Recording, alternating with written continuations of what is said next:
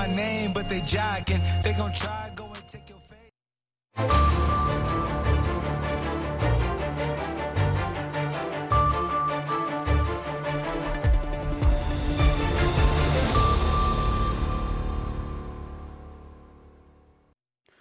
halkani waa washington laantaafka soomaaliga idaacadda v o a idinkaga imanaysa mawjadaha gaagaaban iyo efemyada geeska africa iyo bog aanu ku leenahay internetka v o a somaly com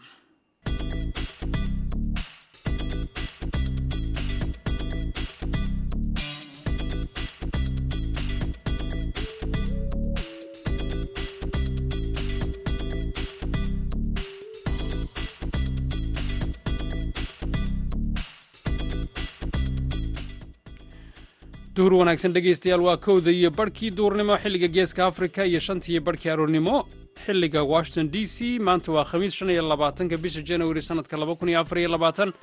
Idaacadda duhurnimona waxaa idiin wadaa anigoo ah maxamed cabdi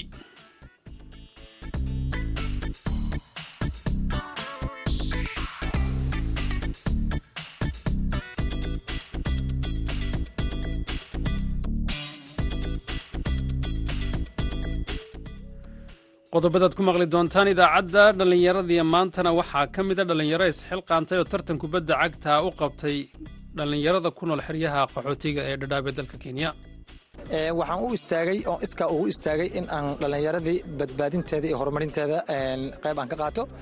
Dadaaladeyda waxay ku saabsan yihiin kubcinta sboortiska ee xerada qaxootiga dhagaxley iyo in aan dhallinyarada ka badbaadiyo muqaadaraadka iyo stresska iyo tahriibada waxaad sidoo kale maqli doontaan magaalada qardho oo lagu qabtay dood furan oo ku saabsan usinaanta dhallinyarada ee dhinaca fursadaha.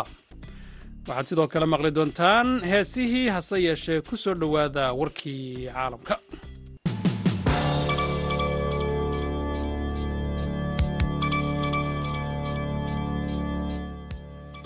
War goordhoweyd naga soo gaadhay magaalada muqdisho ayaa sheegaya in magaalada galhareeri ee gobolka galguduud uu ka dhacay weerar xagga cirka oo lagu qaaday goobo ay ku sugnaayeen maleeshiyada al-shabaab. Dowladda soomaaliya ayaa sheegtay inay dileen labaatan ka tirsan kooxda al-shabaab sidoo kalena ay burburiyeen idaacad uu ururku lahaa.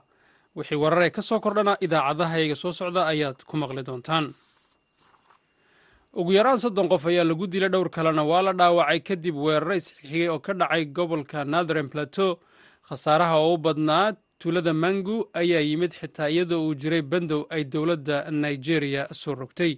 Dagaalkan ayaa u dhexeeyey dad beeraleya oo isir ahaan iyo diin ahaanba ku kala duwan halkaasoo ay dagaaladu saameeyeen amaba ay galaafteen nafta boqolaal qof.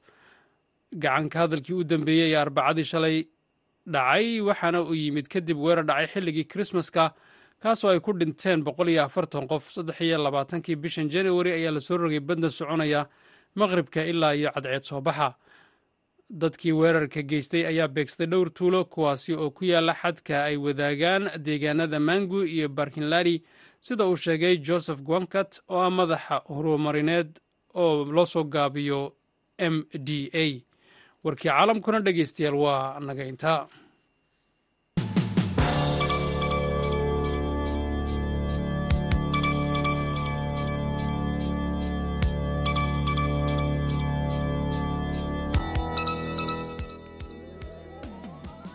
halkaad warkaasi kala socotaana waa v o a washington haatana garowe. Magaalada garowe xarunta dowlad goboleedka puntland waxaa haatan ka socda xafladda caleemasaarka madaxweynaha dib loo doortay ee puntland siciid cabdilaahi deni. Madax uu ka mid yahay madaxweynaha soomaaliya xasan sheekh maxamuud iyo marti sharaf kale ayaa ka qaybgelaya xafladdaasi haatanna waxaa khadka telefoonka si toosa ugu jirta wariyaha v o eda faadumo yaasiin jaamac faadumo soo dhoweyn iyo salaan kadib waa sidee xafladdu sidee u socotaa ilaa imika sandheer aad ayaa u mahadsan tahay. Maantay oo ay taariikhdu ku beegan tahay shan iyo labaatanka bisha january laba labaatan iyo afar waxaa hoolka shirarka ee xarunta madaxtooyada puntland ee garoowe lagu qabtay ama ka socda munaasabadda caleemasaarka madaxweynaha puntland siciid cabdulaahi deni iyo ku-xigeenkiisa mudane ilyaas ee la doortay sideedii january madax badan oo soomaaliyeed oo uu ka mid yahay madaxweynaha soomaaliya xasan sheekh maxamuud ra'iisul wasaareyaashii hore dowlad dowlad goboleedyada xubnaha ka ah dowladda federaalka soomaaliya madax ka socota beesha caalamka iyo wadadar iyo waddamada dariska la ah soomaaliya. Khudbado badan ayaa sandherow meesha laga jeediyey.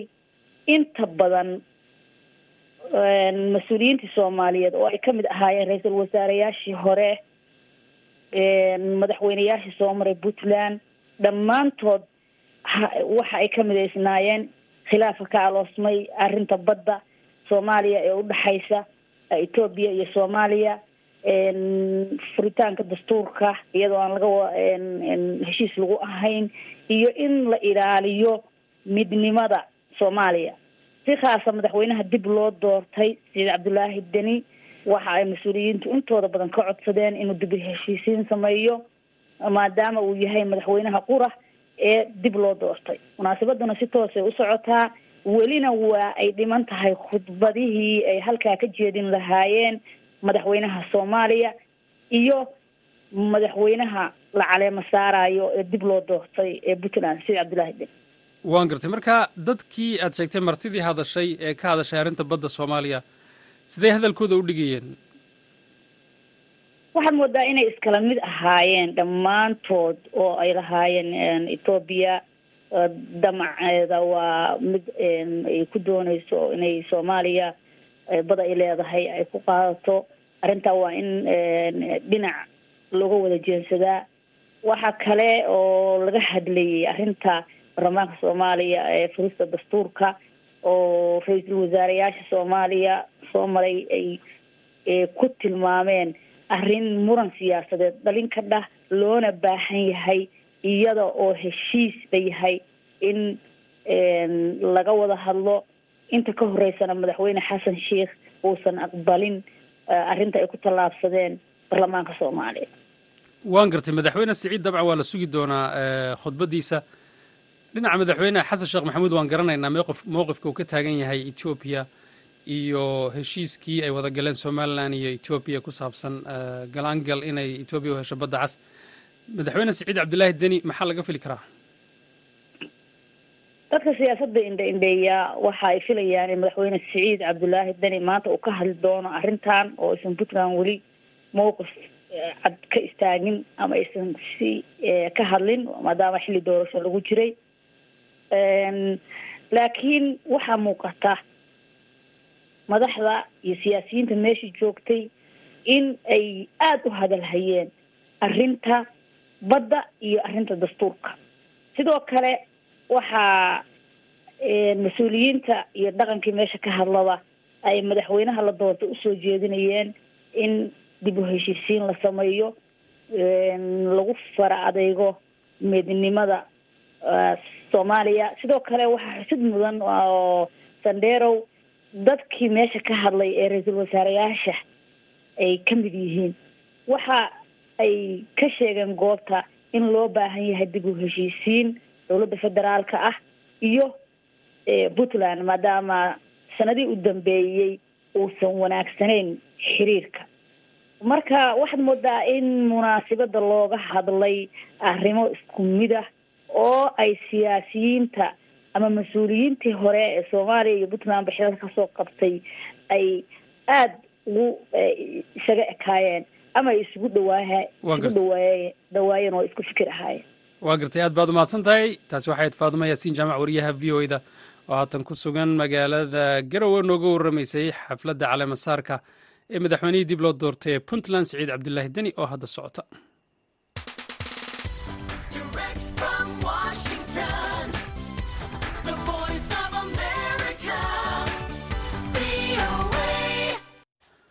duhur wanaagsan markii la dhegeystayaal. Dhallinyaro qaxootiya oo ku nool xeryaha dhadhaab ayaa ku guulaystay inay tartan kubadda cagta ah oo isxilqaan bulsho ah u soo gebagabeeyaan dhallinyarada xeryahaasi ku nool iyagoo muujiyey inay muhiim tahay inaan la sugin taageerada samafalka. Wariyaha v o da cabdiwaa cabdisalaam salas ayaa warbixin arrintaasi ku saabsan inoo haya taageero la'aanta ee uu wajahayo isboortiska xeryaha dhadhaab ee dalka kenya ayaa sababay in dhallinyarada ay u dhaqaaqdo isxilqaan ay ku qabsanayaan tartamo kubadda cagta ah si uusan hakad u gelin tartamada kubadda cagta ah ee ka dhaca gudaha xeryaha. Xerada dhagaxley ee kaamka dhadhaab waxaa lagu soo gebagabeeyey tartan loo qabtay lix iyo toban kooxood iyadoo taasina ay fursad u noqotay in ku dhowaad laba boqol iyo konton cayaaryahan ay tartankaasi ku soo bandhigaan xifradooda cayaareed axmed bile oo loo yaqaano aifai wuxuu ka mid yahay agaasinka tartankan. Wuxuu ka waramayaa fariinta uu xambaarsan yahay tartankan lagu soo gebagabeeyey xerada dhagaxley ee kaamka dhadhaab waa ku dhowahay warbaahinta v o a. Waxaan ahay horta nin dhallinyaro ah ee xeerada qaxootiga ku nool. Waxaan u istaagay oo iskaa ugu istaagay in aan dhallinyaradii badbaadinteeda iyo horumarinteeda qayb aan ka qaato. Dadaaladeyda waxay ku saabsan yihiin kubcinta sboortiska ee xeerada qaxootiga dhagaxley iyo in aan dhallinyarada ka badbaadiyo muqaadaraadka iyo stresska iyo tahriibada. Magaaladeena ay shaqala-aan ka jirto baahsan. Hay'adihii ay shaqala-aan ka jirto ayaan isku dayay in aan madadaaliyo dhallinyaradii si ay ugu waantoobaan muqaadaraadka iyo waxyaabaha xun. Ururada sboortiska ee bulshada qaxootiga xeerada qaxootiga dhagaxley iyo ganacsatadii ayaan la wadaagay. Dhallinyaradii ayaan mideeyey dhammaantood si ay ugu midoobaan kor uqaadista sboortiska waxaa jiray waayihii hore in meel ka baxsan qaxootiga banaankiisa ah ay dhallinyarada muqaadaraadka ku cabi jireen iyo xashiishada iyo xalaqa. Meeshii waxaa jirta habeen kasta waxaa soo yeeri jirtay in cunug lagu tooriyey ama ay istooriyey naftooda hale ku geliyeen. Hadda waa arrintii waan dhameeyey. Ololo badan ayaan sameeyey ilaa iyo qaxootiga afartiisa gees si ay dhallinyaradii ugu midoobaan ka hortaka muqaadaraadka. Waxaan fursad u yeeshay in aan dhallinyaradii iskood waxay u qabsadaan ay noqdaan dad ayaga isku tiirsan. Garoonkii in ka badan sideed boqol oo dhallinyaro ama odayaal ama dumar hataa ay ku jiraan ayaa daawashadii u imaato. Si sboortiskii iyo isbedelkiisii iyo isdhexgalkii ay ayagana markhaati ugu noqdaan. Macalin cabdalle cusmaan waa guddoonka guud ee sboortiska xerada tan. Wuxuu si kooban u sharxay awoodda bulshada iyo muhiimadda ay u leedahay horumarinta dhallinyarada iyo sboortiska xeryaha kan horta waxaa la yidhaahdaa dhallinyarada dhagaxleey ayaan ugu magac darnay. Cid kale oo dhagaxleey bannaanka ah ma cayaarayso waay sababtoo waxaan rabnaa inaan fursadda uga faa'iidayno dhallinyarada dhagaxleey the second ujeedka gudan ka lehen waxaa muqaadaraadka. Ugu horayso qaadka daraagiska iyo tahriibka wax la yidhaahdo qodobka ugu weynaa wuxuu ahaa asna aan rabnay inaan galno isdhexgalka bulshada inay fahmaan. Runtii waxaan u malaysaa inaan ujeedkaan lahayn boqolkiiba siddeetan aan gaarnay. Insha allah waan sii wadi doonnaa. Mana ka caysi doonta in naftan ku jirto. Ilaa aan gaarno heerka aan ku talagalnay ilahina waan weydiisanayna insha allah. Waa lix iyo toban gabagabadiina waxaa nasiib u helay oo galabta cayaaraya oo faynalka ahaa s y l iyo baris halkaa guushana ku raacday kooxda layidhaha baris oo ay garoonka intii cayaar socotay cayaar wanaagsan ku dhammaatay eber iyo eber benalti looga badiyey afar iyo shan. Horta waa su'aal wanaagsan aadaan ugu faraxsannahay waxaa dadka wareejiyey oo waalay ee waalay qaybtii ahaa in hay'add ay ku xirnaadaan hay'adaha waxaan tusaynaa inaan ismaamuli karno waxaan baraynaa inaan nahay dad nool oo wax qabsan kara. Bulshadana waa bulsho u diyaarsan in waxay u baahan dadku wax u qaban laha oo keliya. Waa annagaa isfangaraynay cid maanta oo hadda ama hay'ad ku tiirsan ma jiraan. Bulshadii kooxii ayagaa dhaqaalaha keenay dhaqaalihii baxaayey ee aad arkaysay adwaadiska ahaa waxaa bixiyey bulshada qayb ka mid ah qaar dibadda jooga iyo qaar dalka joogaba oo annaga aan ugu horrayno guddiga ah fariinta muhiim waxay tahay dhallinyarada aan ka qaadno dhulka aan ilowsiino waxa mashquulinaya ee ku kalifaayo inuu kufsi iyo waxun aado ama uu tahriib aado. Waa inaan tusnaa in ay bulshada sboorti u yahay biis kan keliya lagu horumari karo bar dadkan ay ku dhexgeli karaan inay tahay. Fariintaas ayaan rabaa inay waxaan kaloo codsanayaa dadka ganacsatada sbeshali waxaan ka codsanayaa wax weyn ma aha inay nala qaadaan dhallinyarada.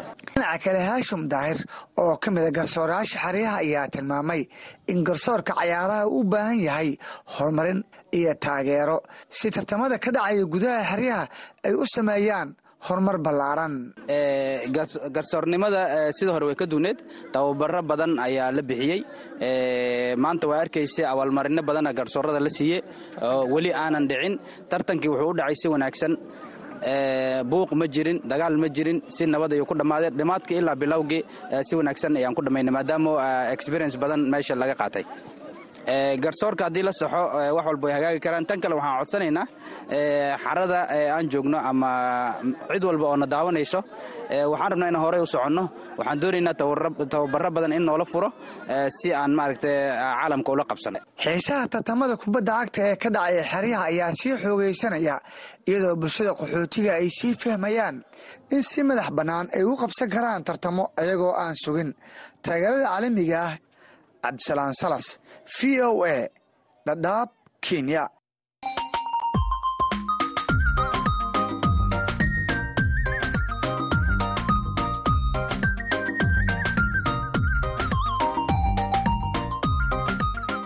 Bandhiga v o a. Barnaamijka bandhiga v o a waa barnaamij oo idinku tala gashay laanta af soomaaliga ee v o a bandhigga v o a waxaad khamiis walba kaga bogan kartaa qormooyin kala duwan oo la xidhiidha taariikhda iyo aqoonta guud dhaqaalaha sharciga iyo samafalka.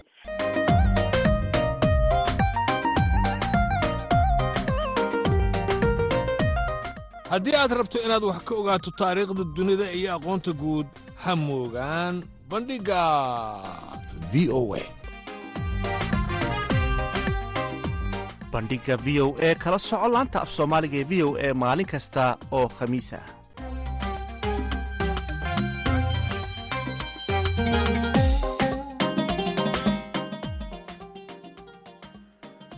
kulanti wanaagsan markale dhegeystayaal weli waxaad la socotaan v o a washington. Magaalada qardho waxaa lagu qabtay dood furan oo ku saabsan u sinaanta dhallinyarada ee fursadaha siyaasadda iyo arrimaha bulshada. Warbixin arrintaasi ka hadlaysa waxaa inoo haya wariyaha v o eda yuusuf maxamuud. Yuusuf dallada bulshada rayidka ee bunsa oo kaashanaysa dowladda hoose ee degmada qardho iyo weliba ururka garwanet oo ka mid a xubnaha golaha guud ee bunsa ayaa si wadajira u qabtay kulanka madasha loo dhan yahay kaasoo looga hadlayey arrimo kala duwan oo ku saabsan bulshada sida ay isku gacan qaban karaan ama isku kaashan karaan. Waxaa ka qaybgalayay saddex boqol oo qof oo ka kala socday qeybaha kala duwan ee bulshada magaalada qardho oo ay ka mid ahaayeen barakacyaasha ku nool kaamamka degmada qardho ganacsato nabadoonno culamaa udiin haween iyo weliba dhalinyaro.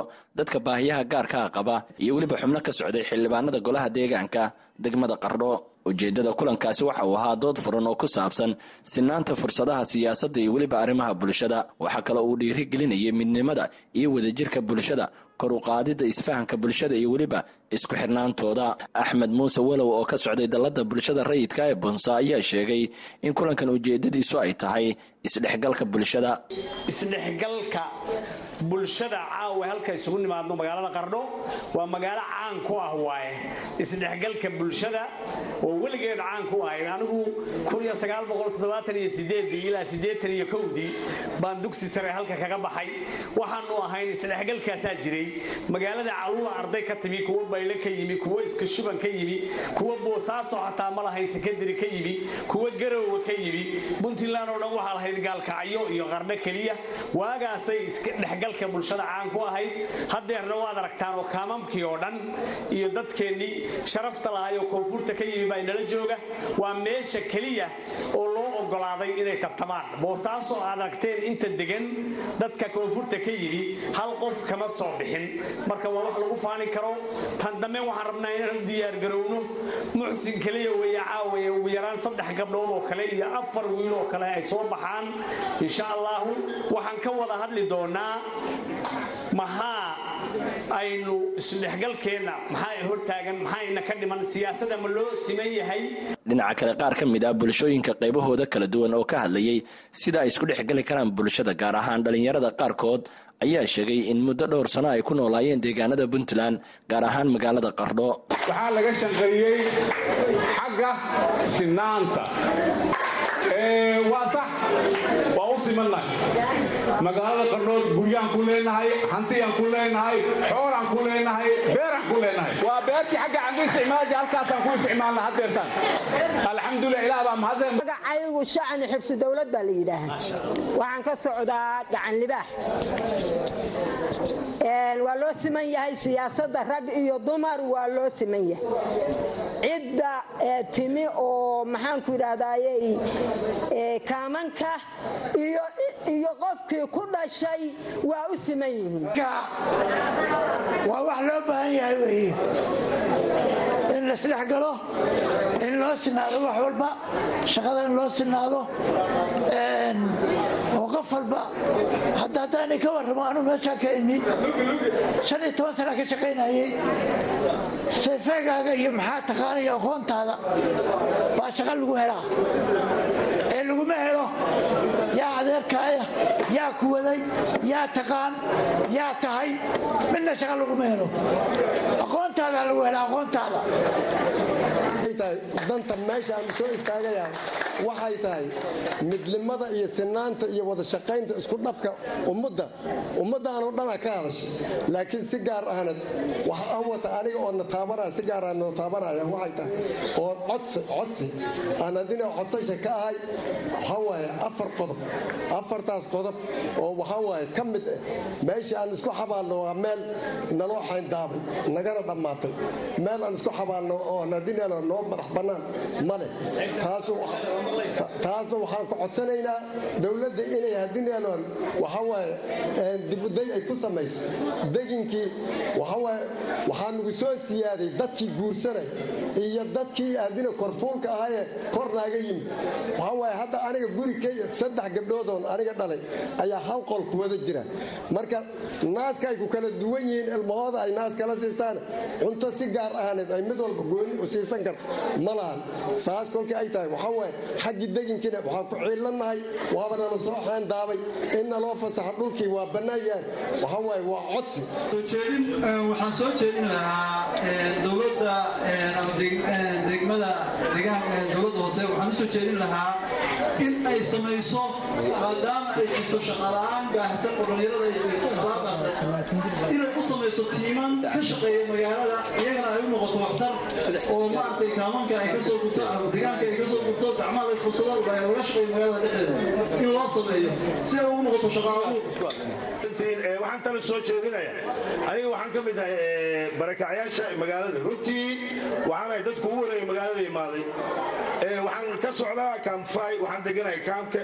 Runtii dumarkeena xoogaa waxaan tala soo jeedinaya dumarkeena inay qaybta farsamada ay ku dulman yihiin xoogaa abuuro shaqo abuurin hay'adda hadday ii maqlayso hay'adda kaalo kale aniga waxaan farsamo yaqaan injineer oo bimacnaha dawaarka aad u yaqaano in dumarka barakacyaasha loo abuuro shaqo sida dawaarka oo kale oo anagaa babcin isu fila inaan barno hay'adaha waxay keentaa sanad walbo mashaariic mashaariicdaas in laga qayb geliyo sidaan u barno dumarkeena ayagana maaragtay ay baxaan in magaalada nadaafadeeda ay sameeyaan horta waa runtii waa aragteen aan umalaynaa guryaha ayagaa ka shaqeeyo laakiin aqoon ay ku shaqaystaan inay yeeshaan. Baan jecel lahay taa xoogaa hay'adihii inay indhagaan ay nagu yeeshaan. Kulanka noocan waa kulankii horta nooga horreeyey oon macnaha naloo qabto masna laisugu yimaado waxaan rajayn doonaa insha allah kulamada noocan inay bataan si naloo soo badiyo siday si fiican loosoo fahmo nin walba ra'yigiisa iyo maskaxdiisu waxa ka guuxaya isooga hadlo siday cawda gabdho badan iyo rag badan ay uga hadleen. Waxaan ka rajaynaynaa insha allah hayadaha ayada buza inay sii wadi doonto oo inoo joogtayni doonto kulamadan iyo kulamada mid ah. Waa kulan runtii aad iyo aad xasaasi u lah habkii loo dooday su'aalaha loo dhigay la soo joojiyey waa kulan run ahaantii lagu faani karo masana la dhihi karo waa kulankii ugu horreeya oon aragno. Koley waxyaala badan baa la sheegay waan la soo koobi karin dee intii ka hadashay intii ka hadlinba waa laga soo wada qayb gala rag iyo dumar aad cabdiqaadir siciid qaal duqa magaalada qardho ayaa sheegay inuu ballan qaadayo inuu xoojin doono isdhexgalka bulshada. Sidoo kalena sheegay in loo wada sinaan doono fursadaha shaqo iyo weliba arrimaha siyaasadda waxay ka mid tahay degmooyinka caanka ku ah isdhexgalka iyo wada noolaanshaha bulshada soomaaliyeed. Degmooyinka caanka ku ah bay ka mid tahay. Horeyna ugu ahaan jirtay weligeedna bulshada soomaaliyeed ay ku wada noolayd islamarkaasna hadda waxaa caddayn dhaba u noqotay markay doorashooyin dadweyne bulshada puntland ay gaadhay konton iyo afar sano kabacdi waxaa fursadda qayb ka noqday dadka walaalaha ah ee soomaaliyeed ee reeqardhoodka ah ee asalkii hore koonfurta ka soo barakacay. Fursaddaas codaynta oo ah inay waxna doortaan lana doorto bay heleen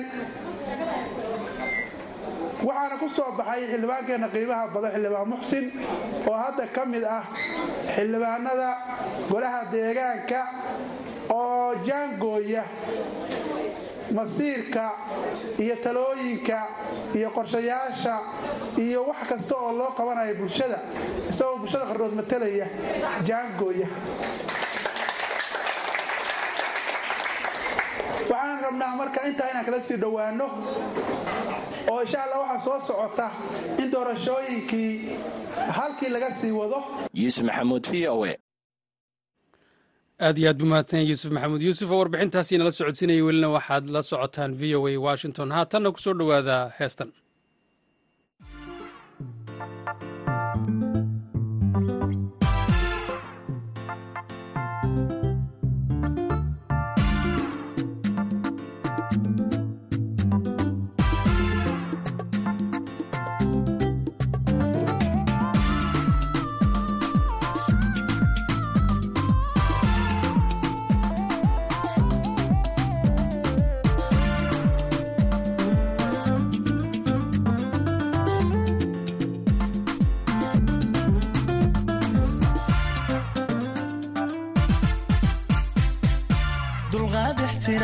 ixtiraam leh danay isxilqaam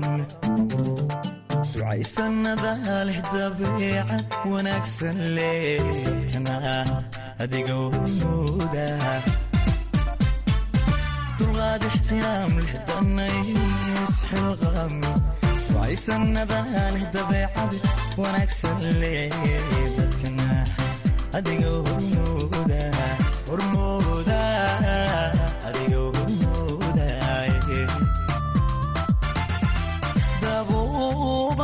hadalkaaga inaan ku doobo ma diidi karaayo dimada haragaaga inaan ku dagaayoon xiskaan dafaynin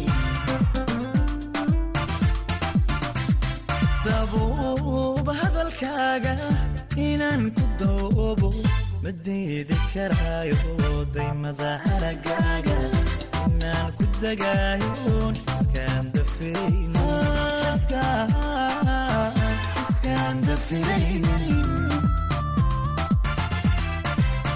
daryeel laba geesaaye dadaala midayle damiir isfahmaaya ayaa isdareensan dadkana iska doortay daryeel laba geesaaye dadaala midayle damiir isfahmaaya ayaa isdareensan dadkana iska doortay. Ayaa isdareensan dadkana iska doortay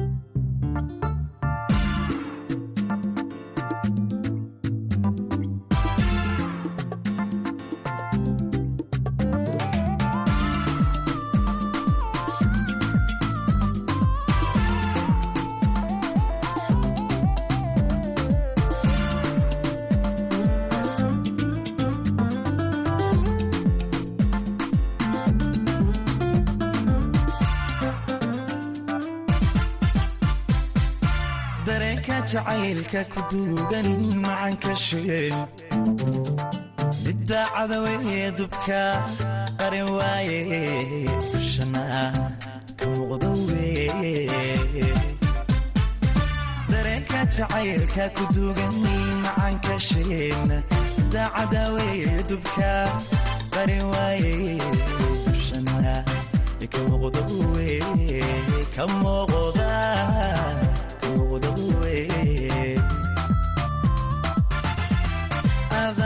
adadagimaanka wadnaa dacalkiisa darmaa ku taala dibinaha qosolkooga waxaa tahay dooy sababtaa ka dambaysa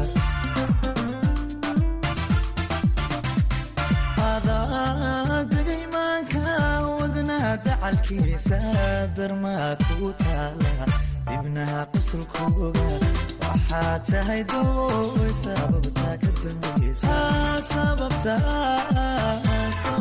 ka dambaysa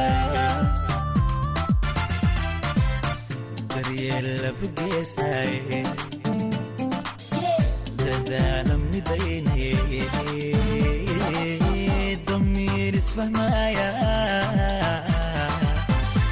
ayaa isdareensan heestaas ayaa u dambeysay idaacadayda duhurnimo inta haddii la dhahdo maanta. Aynu dib u kulmi doonno afarta galabnimo. Waa aniga maxamed cabdiye dhammaan bahda v o idinle sidaas iyo duhur wanaagsan